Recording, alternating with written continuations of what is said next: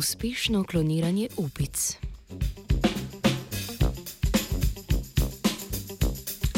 V reviji Sel je raziskovalna skupina z Kitajske pred kratkim poročala o prvem uspešnem kloniranju opic makakov z metodo prenosa jedra somatske celice.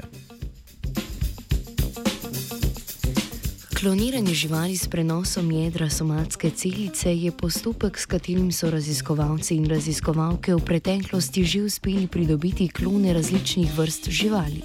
Na ta način je nastala tudi vsem znana ovca Doli. Poskusi kloniranja primatov pa so bili do sedaj neuspešni.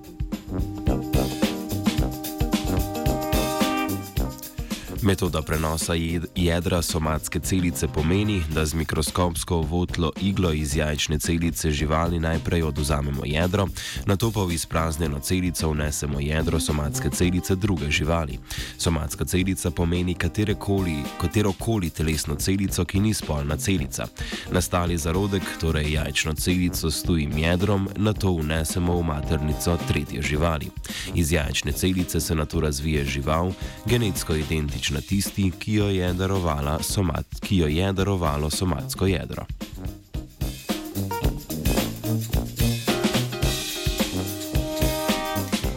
Raziskovalna skupina je kot do, donorska jedra uporabila fibroblaste iz upičjih zarodkov torej nediferencirane celice, ki v organizmu še niso prevzele končne vloge.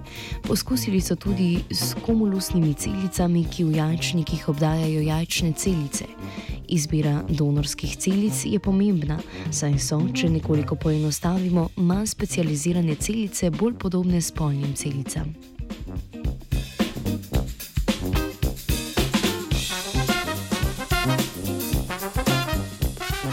Raziskovalci in raziskovalke so po vnosu jedra fibroblasta v jajčno celico vnesli še zapis za izražanje histonske demetilaze ali pa in pa inhibitor histonske decetilaze. Gre za encima, ki vplivata na izražanje genov. Po prenosu jedra v jajčno celico namreč pride do reprogramiranja, torej sprememb v izražanju genov. Neustrezno reprogramiranje izražanja genov je pogosto razlog za neuspešno kloniranje.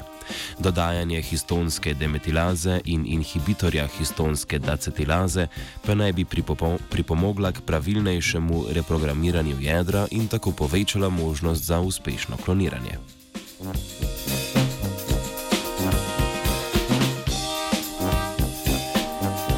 Na ta način so raziskovalci in raziskovalke iz jedr fibroblastov uspeli pridobiti 109 zarodkov. 79 so jih unesli v 21 nadomestnih mater, od katerih so nosečnost potrdili v šestih.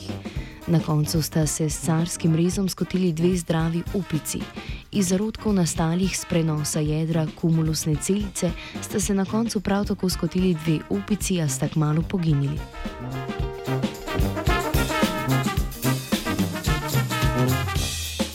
Raziskovalna skupina je tako pokazala, da je kloniranje opic s prenosom somatskega jedra mogoče samo ob uporabi jedr fibroblastov. Poskus kloniranja makakov je tudi najbližje kloniranju človeka do sedaj.